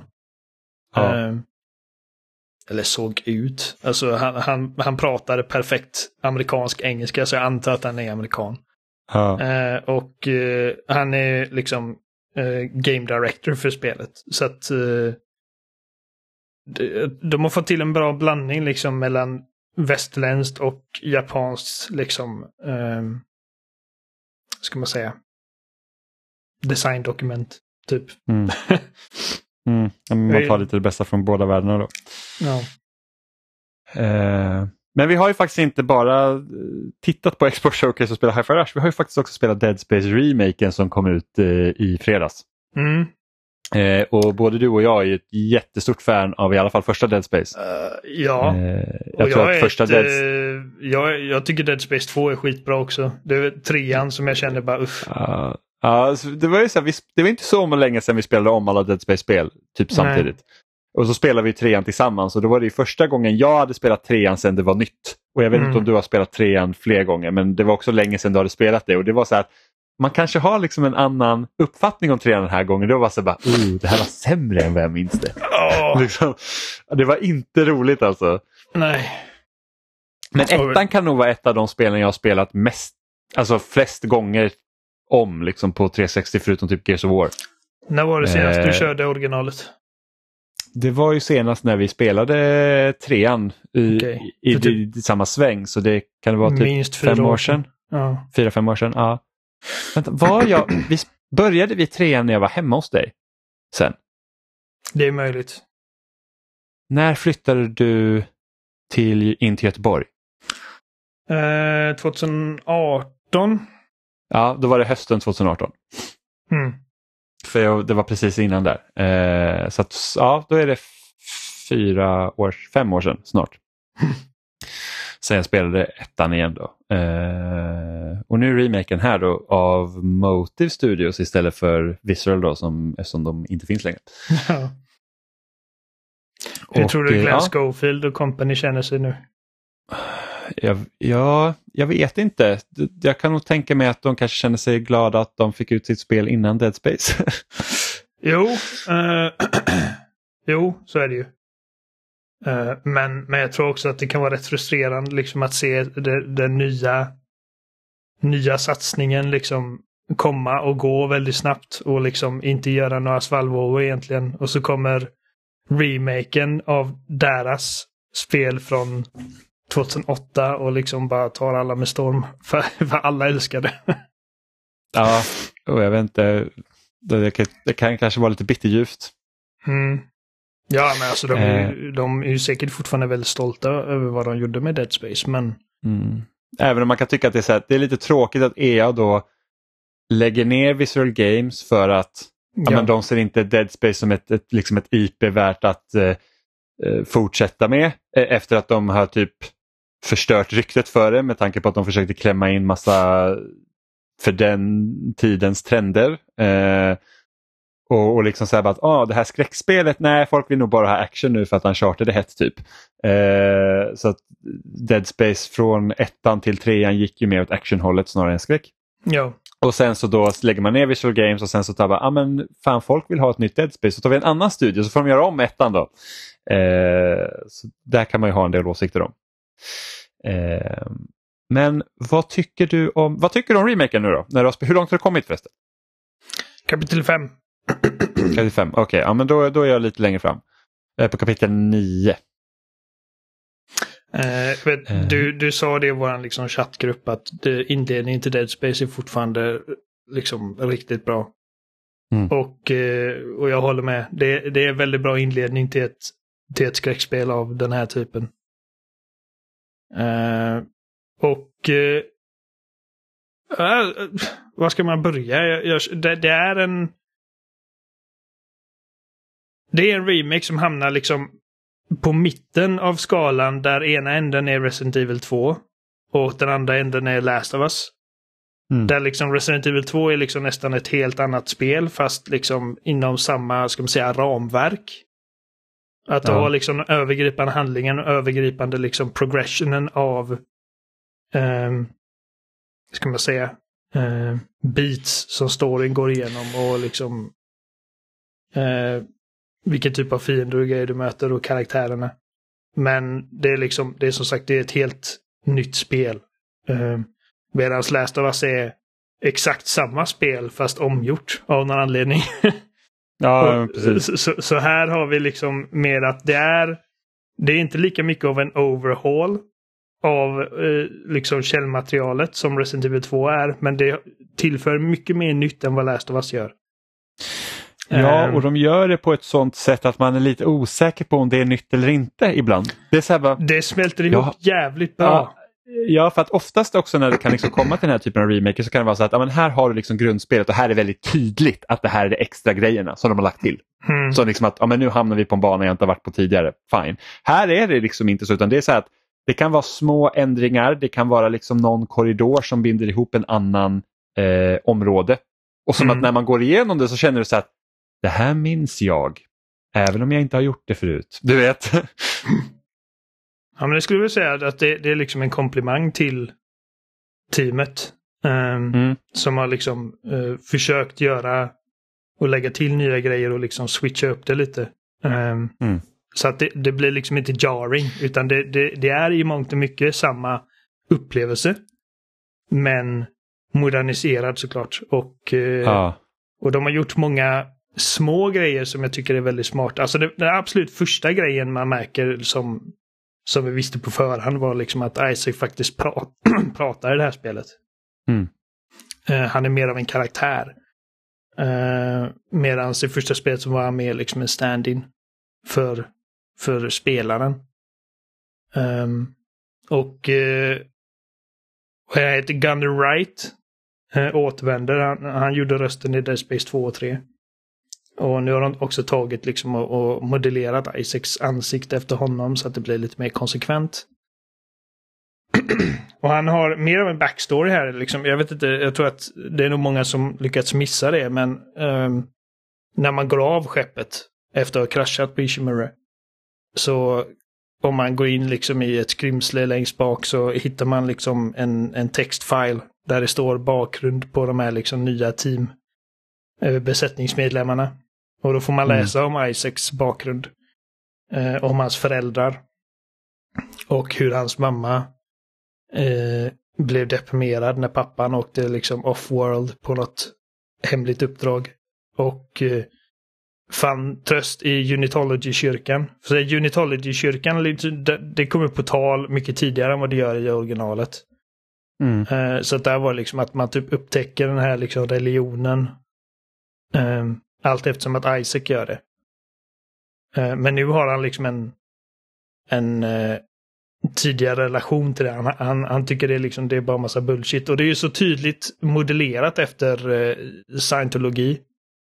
Mm. För att du har liksom nivåer av medlemskap och det enda som avgör hur, liksom, hur viktig du blir för organisationen är hur mycket pengar du ger till dem. Och liksom mer hemligheter avslöjas för dig. Ja. Eh, och hans mamma har liksom gett bort liksom alla deras ägodelar och hon har, hon har liksom skrivit ut dem som ensam, eh, eh, vad säger man? Eh, air? Vad är det på svenska? Arvtagare. Mm. Nej, efter jag bara, jag bara luft. ja, nej. luft. ja, det var, jag, bara, jag får inte riktigt ihop det här. Det kan inte stämma. Så Isaac liksom, han, han, han var en toppstudent och eh, liksom var kvalificerad för att komma in på de här väldigt fina universiteten men fick nöja sig med billigare grejer för att hans mamma gav bort alla deras pengar till den här kyrkan. Så, ja. Mm. så han gillar dem inte liksom och det kommer på tal mycket tidigare och, och, han känns mer som en karaktär i det här spelet än vad han gjorde i originalet. Eh, mm. Men sen har vi också grejer som um, jag tror att en av de smartaste ändringarna de gjort är att man inte längre köper vapen i, eh, i shoppen utan att man hittar dem. Allt eftersom att spelet fortlöper. Och det uppmuntrar dig till att experimentera mer med de olika vapnen. Mm, för att du behöver liksom inte sitta och hålla på, vad ska man säga, noder som du uppgraderar vapen med för att kunna öppna hemliga dörrar istället. Det också, också. precis. Uh, så i originalet mm. hade du liksom att du, du använde PowerNote för att uppgradera din rigg och dina vapen. Men det fanns också dörrar som du kunde använda noder för att öppna. Vilket gjorde att mm. man var lite mer sparsam med sina nodes. Um, de här dörrarna innehöll oftast liksom värdefulla komponenter och, och ammunition och grejer. Mm. Och sen så uh, sparar du också pengar då till att köpa vapen uh, istället för att köpa fler nodes. Precis, och i originalet så, så höll jag mig till plasmacuttern. Dels för att det är liksom det absolut mest OP-vapnet i spelet. Du behöver egentligen bara plasmacuttern. Och eh, då lägger jag hellre de pengarna på Notes. Och uppgraderar mm. min plasmacutter. Men nu är det liksom, du är mer fri till att... Så det du lägger pengar på nu är extra komponenter till vapnen som du gillar. Som eh, frigör fler upgrade paths som du kan använda dina, dina notes på. Så om jag hade behövt köpa de här, alla de här vapnen så hade jag förmodligen inte liksom testat alla vapen. Och eh, en grej som, som kändes tydligt direkt var att plasmakarren är inte lika omedelbart OP som den var i första spelet. Mm. Utan det krävs fler skott på eh, nekromorfernas lemmar för att gå av i det här spelet än vad det gjorde i originalet. Vilket gör att de andra vapnen blir automatiskt också mer viable. Och vapnen, eh, typ som eldkastaren, är faktiskt användbar i det här spelet. Vilket jag kände mm. var helt värdelöst i, i originalet. Och samma med liksom Ripper Gun och, och, och jävlar contact beamen är, alltså den är maffig som fan. Det är nästan, det är nästan en liksom orättvis fight när man går upp mot en sån här stor berserker, eller brutes kallas de. Man Mm. bara stasisar den, springer runt den och använder contact beam. Så det är liksom en lång continuous laser nu.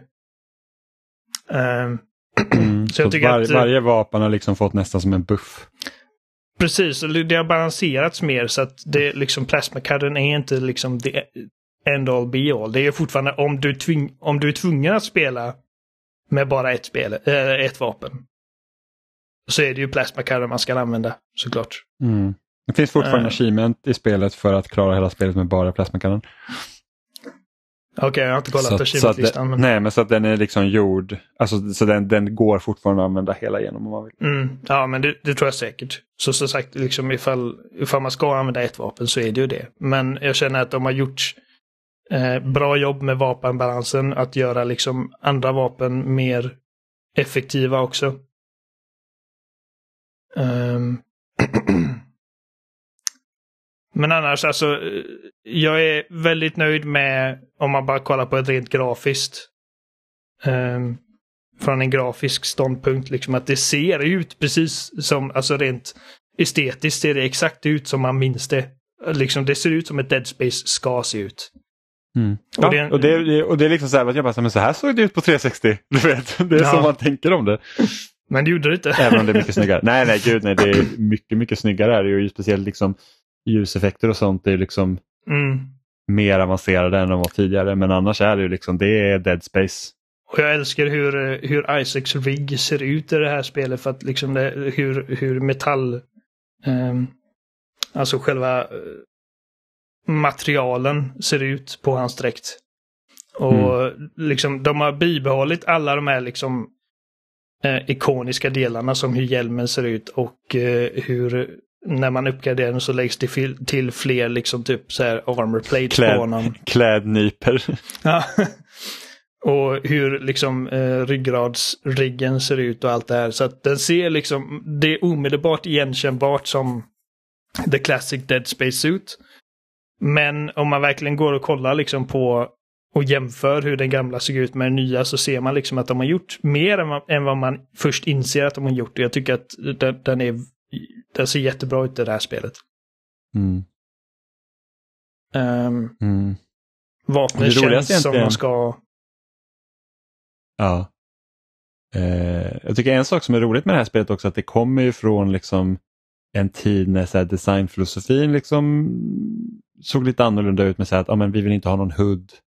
Så Mm. att då ska liksom allt, allt liksom ska finnas liksom på spelaren. Det är därför du har den här riggen liksom i ryggen som visar ditt liv och du måste ta upp vapnen för att få se eh, hur mycket ammo och sånt det är på dem. Så att det är liksom inte någonting som ingenting ska förstöra din bild på tvn egentligen. Eh, och jag, eh, senaste veckan så har jag också liksom kollat olika artiklar lite om hur man liksom så här, säger att myten om den osynliga hudden till exempel att folk säger så att ja, men man vill inte visa någonting på skärmen men egentligen så handlar en osynlig hudd om att du ska inte tänka på den men den är där när du behöver den om man säger Mm. så. Eh, och Jag tror att det enda jag inte riktigt är förtjust i det här spelet det är det att man måste trycka ner ena spaken för att se vart man ska gå. och jag var så här, jag hade så jät- jättegärna bara velat ha något som bara pekar mig i rätt riktning om jag vill. Liksom utan att jag måste ta fram den här jävla grejen för att jag hittar ingenstans. Eh, Ja, men den är ju precis som den alltid varit. Eller Ja, du, menar, du menar att du önskar att de hade kommit på en bättre Ja, lösning? eh, ja, yes, att man så här bara, Mm. för att det Eftersom Ishimura ser, alltså är, det ser ju väldigt likadant ut överallt. Eh, Mm. och jag vet att det var någonting som så här, spelet fick kritik från när det kom ut, liksom bara så att alla miljöer är ganska likartade och det, det är ingenting problem egentligen för mig. Alltså jag tycker om att det är ganska enhetligt. Men jag hade Mm. gärna velat komma till liksom en bit där jag säger att jag hade haft ett annat sätt att liksom få se vart jag ska någonstans utan att jag hela tiden måste bara försäkra mig om att jag är på rätt spår genom att trycka ner ena spaken. Och det är bara liksom en, en liten pet peeve jag har. Ja, och jag... Jag tror att jag sa någonting om detta när vi pratade om liksom vad vi hoppas på med remaken också. Jag, jag tror att jag sa någonting i stil med att jag hoppas att eh, den grejen inte är med i spelet utan man får förlita sig mer på kartan. Men sen spelade jag Callisto Protocol och insåg att det är rätt skönt att veta liksom vart jag ska för då vet jag okej det här rummet som jag kan gå in i nu eh, är inte the main path. Så då går jag hit. Och då missar Mm. jag liksom inte massa grejer. Ja, Eh, precis. Jag har ingenting emot att man visar vart man ska. Men alltså, det är till och med så att jag kanske hade önskat att man kanske hade haft kartan på alltså hooden hela tiden. Så att jag bara ser att här är ett rum jag inte varit inne i till exempel. Typ Mm. Metroid. Men det är Ja. väl typ den lilla grejen. liksom. Alltså det, det blir ju eftersom att jag tror att det hade varit lättare att navigera det här skeppet om man var där när, innan allting gått åt helvete. liksom.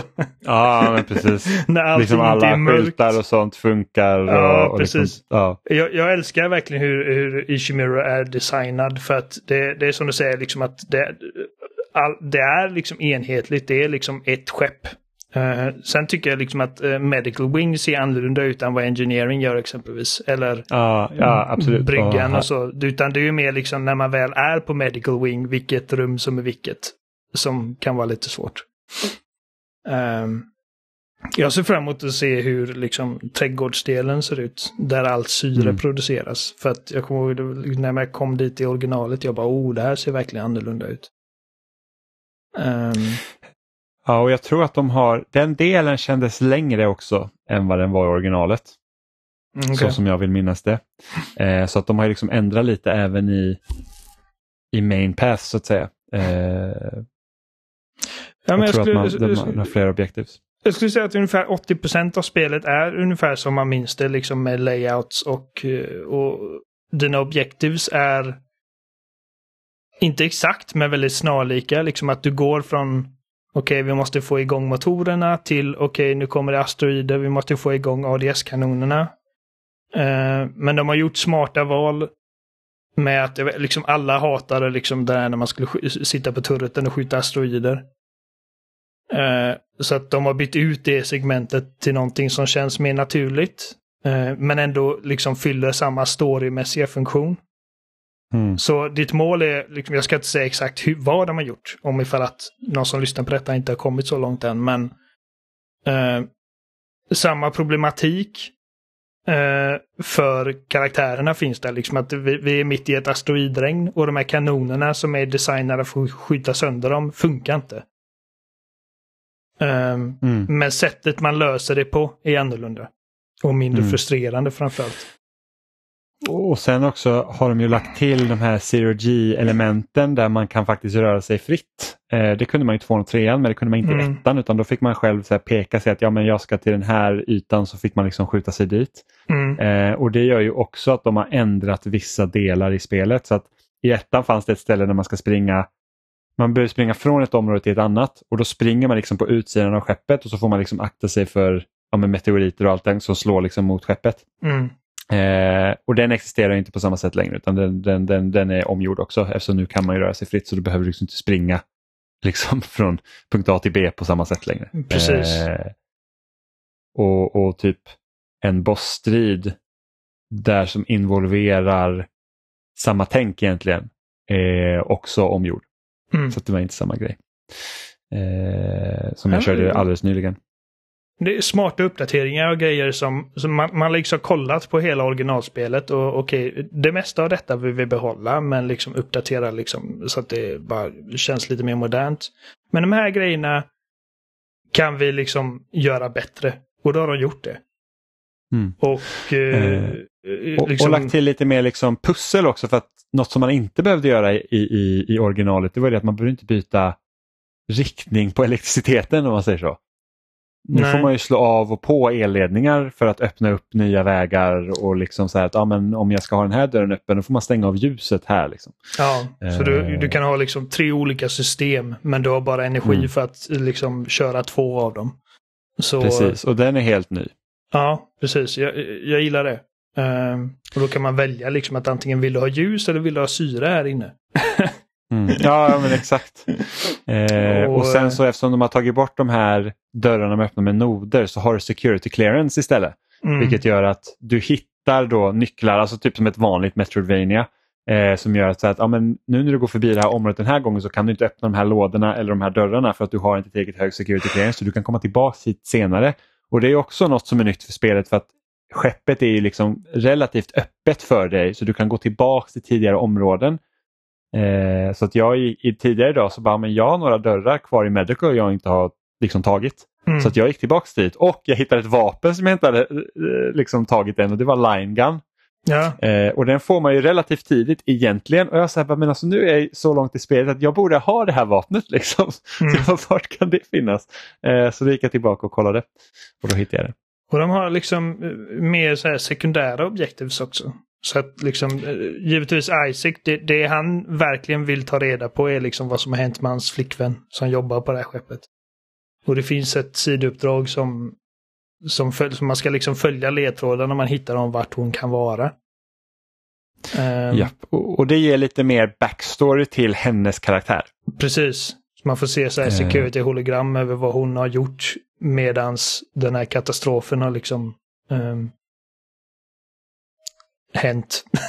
Unraveled. Ja, men precis. Ja, och de här Eh. sidouppdragen är liksom inga, det är inga så här fantastiska grejer att du, du egentligen gör nya gameplay-element utan det är mer så här gå hit, se det här, liksom se det här Mm. hologrammet eller läs den här filen och sen är du klar. Typ. Och som jag förstår så kan man missa de här grejerna. Ifall man Japp. inte liksom Så håller att, koll. så att gå, gå in i ditt, eh, gå in i ditt så här, eh, questlog och så får du liksom titta på sidouppdragen för att jag hade helt missat det. Jag var så här, jag, jag kom dit av en slump, jag bara men här är ju massa upp, så bara, oj gå till medical, jag bara men shit. Här har jag missat något helt så att jag gick och gjorde liksom lite sidequest-grejer igår Mm. när jag spelade. Eh, bara för att få det klart. Liksom. Så jag Eh, märkte så liksom man att, inte missar. eh, ett, ett sidouppdrag är liksom att du ska få ett så kallad master clearance för att det finns vissa dörrar som kräver det. Och för att Mm. göra det behöver du hitta liksom alla de här typ, eh, ska man säga, högsta hönsen på det här Ishimura-besättningen måste du hitta deras lik och ta deras liksom rigguppgifter. Ja. Um, så de har, de har lagt till liksom lite så extra grejer att göra utöver bara liksom huvud eh, pathen också. Och jag tycker att det, du nämnde det förut, liksom att skeppet nu är liksom interconnected och att du kan röra dig mellan olika delar, vilket man inte kunde förut. Trammen var liksom, alltså när liksom typ spårvagnen de hade, var liksom ett sätt för dig att gå från bana till bana, men den använder du för att röra dig mellan de olika delarna. Och i många Ja, fall kan du liksom också, Jag tror att man kan gå alltså mellan alla delar utan att använda trammen också. det även också. om, eh, så det är som en genväg. liksom. ja. Yes, Eh, så det blir ett fast travel system egentligen. Mm. Så att, eh, nej men det, det, det känns bra. Eh, det är en väldigt bra remake skulle jag säga. Ja. Eh, och jag tycker att Dead Space, även håll, liksom att de gånger jag liksom har spelat det, så har det liksom, jag tycker fortfarande att originalet håller. Ja, Eh. Även om det kanske känns lite klumpigt och de har ju också gjort så att Isaac känns lite smidigare i det här spelet också än vad han Mm. gör i originalet. Ja, han känns mer som han gjorde i uppföljarna liksom. Ja. Eh, mer responsiv. Mindre klumpig med typ eh, punches och sparkar. Och det är mer... Ja, men precis. Eh, och nu är det ju så att när folk då får upp ögonen för Dead Space igen så är det också den här frågan som dyker upp då så att aha, det bara, ah, remake på ettan, nu vill vi ha remake på tvåan. Men då känner jag så att är det verkligen en remake på tvåan som är typ rätt väg att gå för Dead Space nu eller är det egentligen Dead Space 4? Det är Dead Space 4. Bra, då håller vi med varandra. att, eh, men alltså, jag, jag känner att eh, Dead Space 2 har betydligt mindre sådana här janky grejer som man hade kunnat eh, modernisera. Eh, och det är mer av en liksom, alltså ska man säga, eh, bara en typ actionresa genom den här typ The Sprawl. Eh, och jag vet inte riktigt liksom exakt vad man hade kunnat introducera för att göra det bättre. Annat än att bara liksom, okej nu gör vi tvåan också i liksom bara bättre grafik. Och sen Mm. pratade liksom Adam om att ja, jag hade liksom jag hade velat ha en remake av trean där alla de här dåliga grejerna är borta och jag bara, låt trean dö. Liksom. Alltså,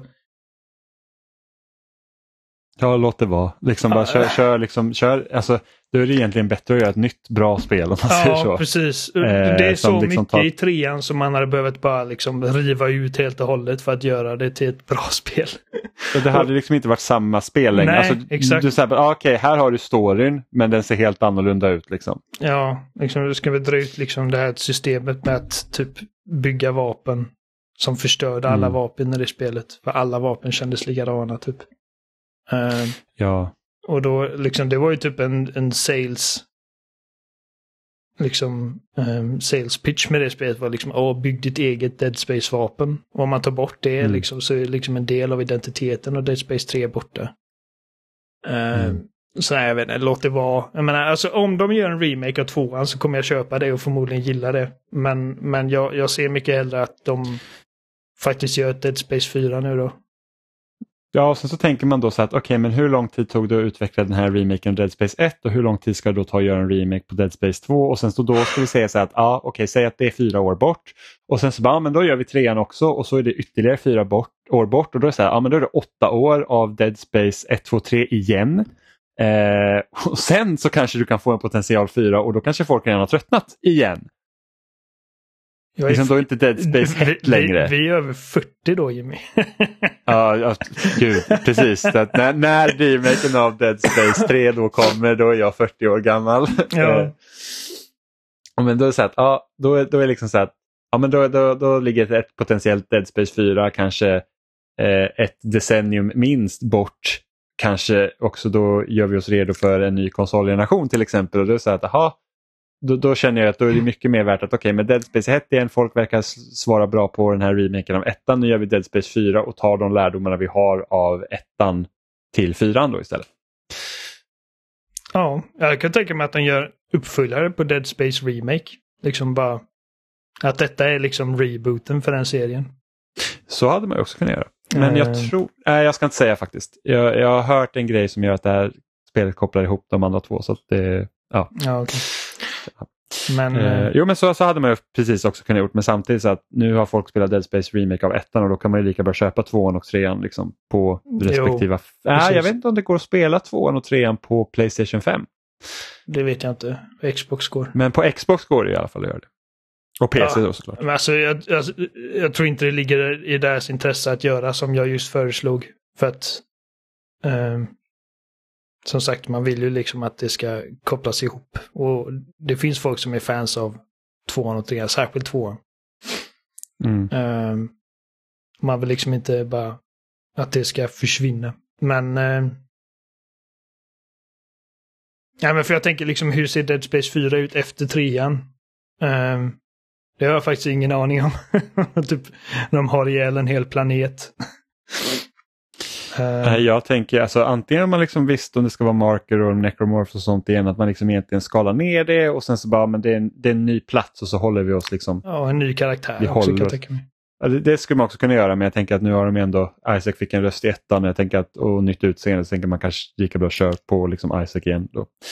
Ehm, men just att det här att eh, som vi har pratat om tidigare, jag hade också kunnat säga att en Dead Space 4 har liksom ett helt nytt hot med nya fiender så man får liksom lära sig om och tycka att det är läskigt. Mm. Ja, nej, alltså, jag tycker det är jävligt svårt att sia om vad jag tror kommer hända efter detta. Mm. Ehm, för jag tror inte det kommer vara som i Resident Evil, liksom att man har typ ett team som arbetar på remakes och ett team som arbetar på regelrätta uppföljare. Liksom att, Och det har varit jävligt tråkigt också för att liksom Motive ska kunna göra något annat än Dead Space också om man nu ska ha två team som arbetar på någonting. Ja. Och eh, jag tycker det är kul med Resident Evil 4 liksom, och hur det existerar idag. Liksom, att man får de här remakesen av de här spelen som man älskar. Eh, Men det kommer inte på bekostnad av nya spel. Nej. Så liksom jag ser fram emot Resident Evil 3 eller 4 och eh, jag, jag var jätte, liksom, jättesugen på tvåan men hade det varit liksom att okej detta innebär att vi inte får Resident Evil 7 eller Resident Evil 8 eller vad det nu är så hade jag inte varit lika. Och den frågan är ju mer aktuell här. Vad är liksom EAs för att det kan ju mycket väl vara så att liksom den här remaken av Dead Space var bara liksom en typ, liksom, det var en kalkylerad, liksom, eh, business decision. Remakes är väldigt hett just nu. Vad kan vi göra remakes av? Dead Space är väldigt älskat. Vi kör en remake av det och sen så låter de det vara. Det är inte säkert att vi får något Dead Space Nej. efter detta. X, så kan det också vara. Dead Space är inte lika viktigt för dem som Resident Evil är för Capcom. Nej. Ja, Dead Space är inte ett lika känt varumärke heller som Resident Nej. Evil. Liksom, så. Så att eh, Eh, jag, och ändå gjorde man jävligt mycket med Dead Space. Alltså Dead Space har en animefilm, jag tror att det finns Ja. böcker. Alltså Ja. det var liksom sjukt mycket Dead Space ett tag. spin-offs och... Och jag tror Ja, att liksom Det- det, som ja. dödade Dead Space för dem var att EA ville göra det till, så precis som de ville med så många andra av deras serier. De ville att det skulle bli deras Call of Duty, liksom den här massiva storsäljaren som säljer liksom miljoner, miljoner. Ja. Och, och de försökte liksom göra till de här liksom enorma upplevelserna som jag tror att de kallar Dead Space 3 för liksom deras quadruple A-spel. Just det, det var liksom någonstans där som det första liksom betyder ingenting liksom. Ehm, och då när det inte säljer liksom 30 miljoner på release så är det liksom ett misslyckande och då dödar man studion. Ehm, så att... jag vet inte, alltså jag, jag, jag ser det liksom lika rimligt att vi får en remake till tvåan som att de kanske gör ett nytt spel till att de inte gör någonting med det alls efter detta. Mm. Jag tycker det är jävligt svårt att säga. Ja, precis, och sen kan man ju se också att det kanske inte finns några planer för att liksom riktigt fortsätta med Dead Space just nu. Men så här, säg att remaken säljer bra och tas emot jättebra, så kanske man så bara oj, ja men Precis. då det- kanske vi sätter igång någonting. Liksom. Mm. Det är den stora katalysatorn för att det- alltså, eh, review scoresen har varit väldigt bra. Alltså Ja. bättre än vad, liksom, än vad EA har fått se på ganska länge nu tror jag. Mm. Ehm, och eh, det är klart liksom att sånt, sånt lägger man ju märke till liksom när man sitter på styrelsen på EA. Och Mm. om det nu då liksom säljer ehm, jag, vet inte ifall man ska vänta sig att det säljer liksom några typ enorma mängder, men liksom bättre än man förväntat sig kanske. Mm. Så är det ju svårt att beroende ignorera. på då, om det inte, om det inte så är bara, vi har jättehöga förhoppningar på Ja, den här nu, vi vet inte hur deras förväntningar ser ut och vi vet inte hur deras budget sett ut. Men, men jag tror ändå liksom att det, det här kommer sluta med att liksom de går i, i vinst med detta spelet. Mm. Ehm, och eh, det, det blir svårt för dem att ignorera. Så att, ja, jag vet inte. För fördelen egentligen EA har liksom med eh, hur de fungerar som utgivare att de har ju faktiskt de här stora spelen eh, som kommer årligen som Fifa då som ska byta namn.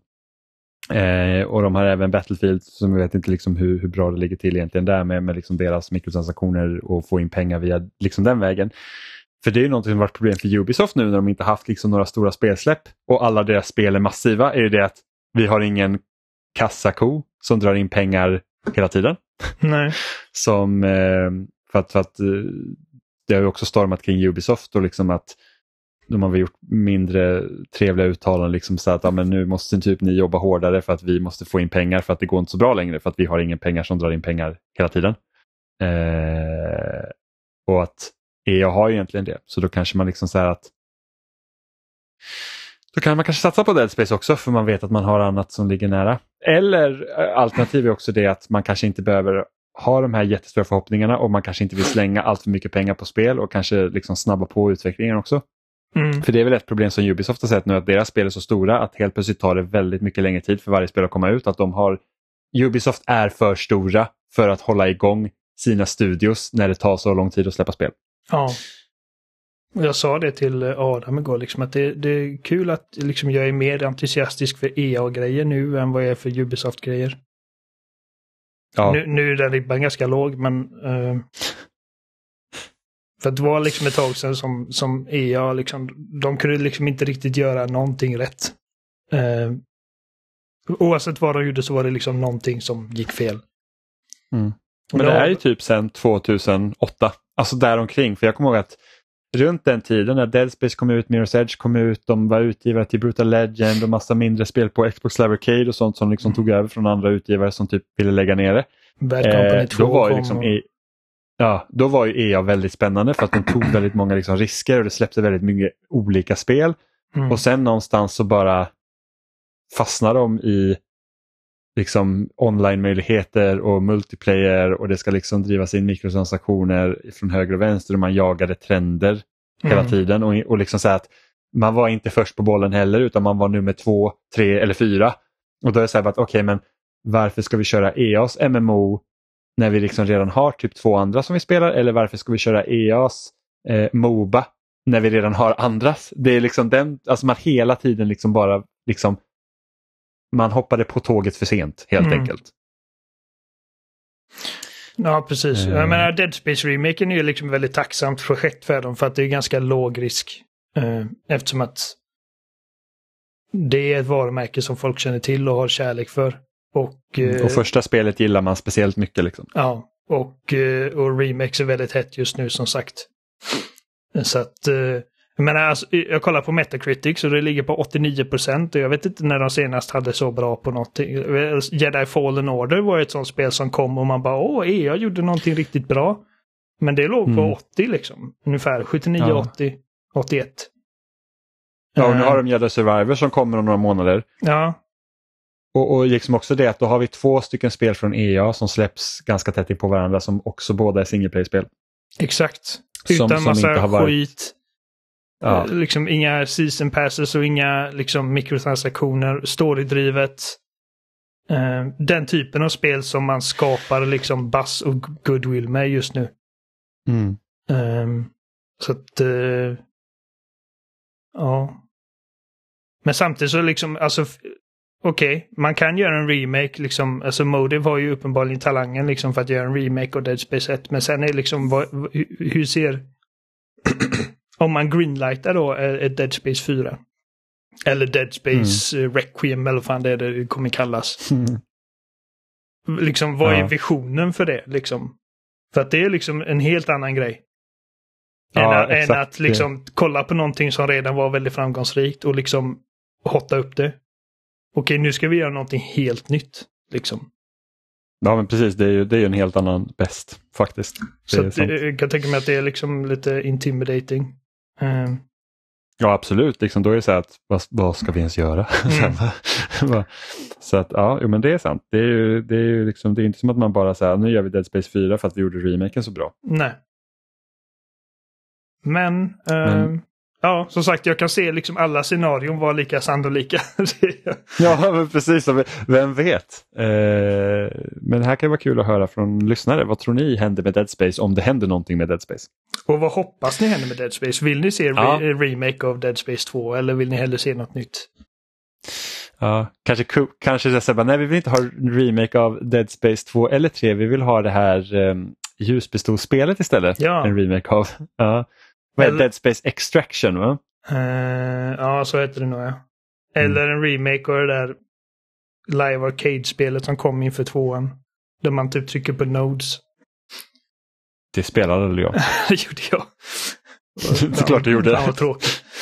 Um, nej, men jag känner ifall man gör en remake av tvåan så känns det ganska sannolikt att man stannar inte där va? Då blir det en trea också va? Jag vet inte, just med tanke på att eh, trean är mer bespottad ja. så, så kan jag också tänka mig att det är någonting man då inte vill röra utan nej, vi gör tvåan för annars kommer det bli så här att okej, gör vi då en remake av trean? Gör vi om hela spelet eller gör vi en remake av trean som trean är? För trean var inte så uppskattad. Och då blir det så här att okej, då kommer inte en remake av spelet om det ska hålla liksom samma struktur vara uppskattad heller kanske. Nej, precis. Medan tvåan gillar ju faktiskt folk.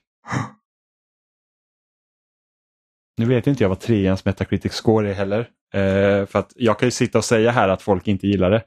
Men folk kanske tyckte det var bättre än vad jag tyckte då. Du fick ju, alltså jag menar, när det kom så fick du okej recensioner. Men, men det är ju inte ett spel som någon ser tillbaka på med, liksom, vad säger jag? Snälla ögon. Nej, alltså det, det, det är inte att folk pratar om de bästa spelen som finns så är det ju knappast liksom det. Man riktigt sett. Nu ska vi se, Dead Space 3 för 360 är. Ja men det ligger ju inte, det ligger på, jävla Game Informer gav det 98. Eh, Mm. Det ligger på ett metascore på 78 så det är liksom inte dåligt heller. Giant drill!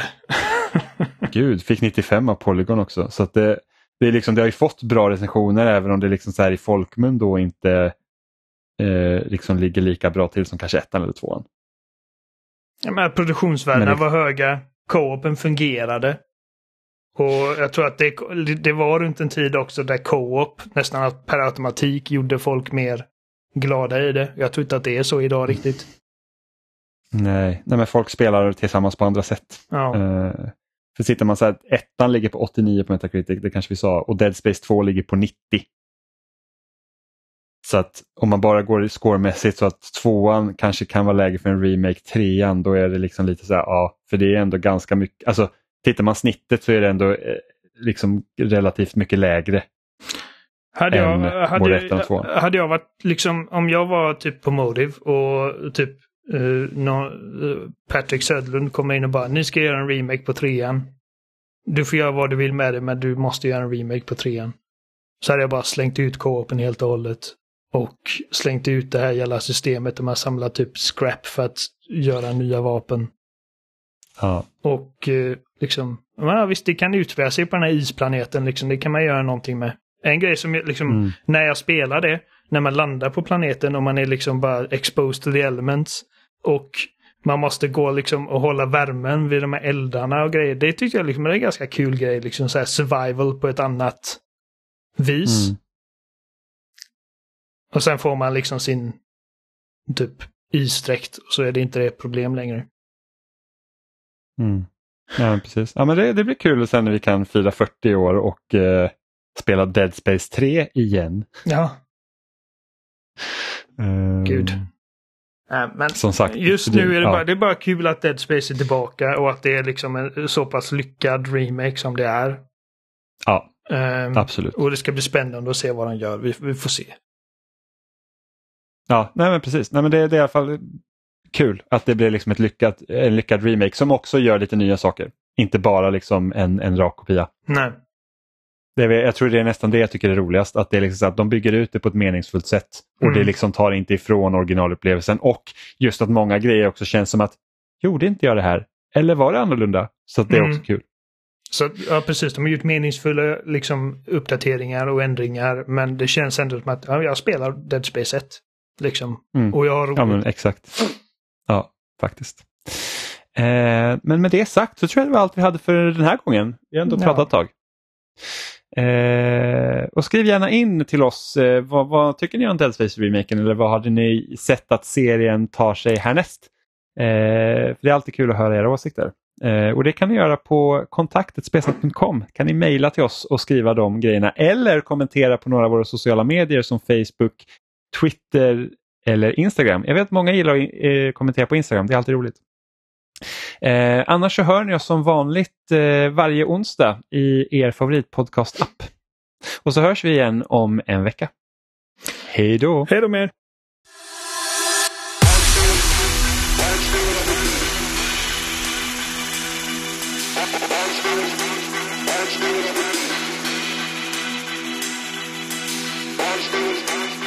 Thank you.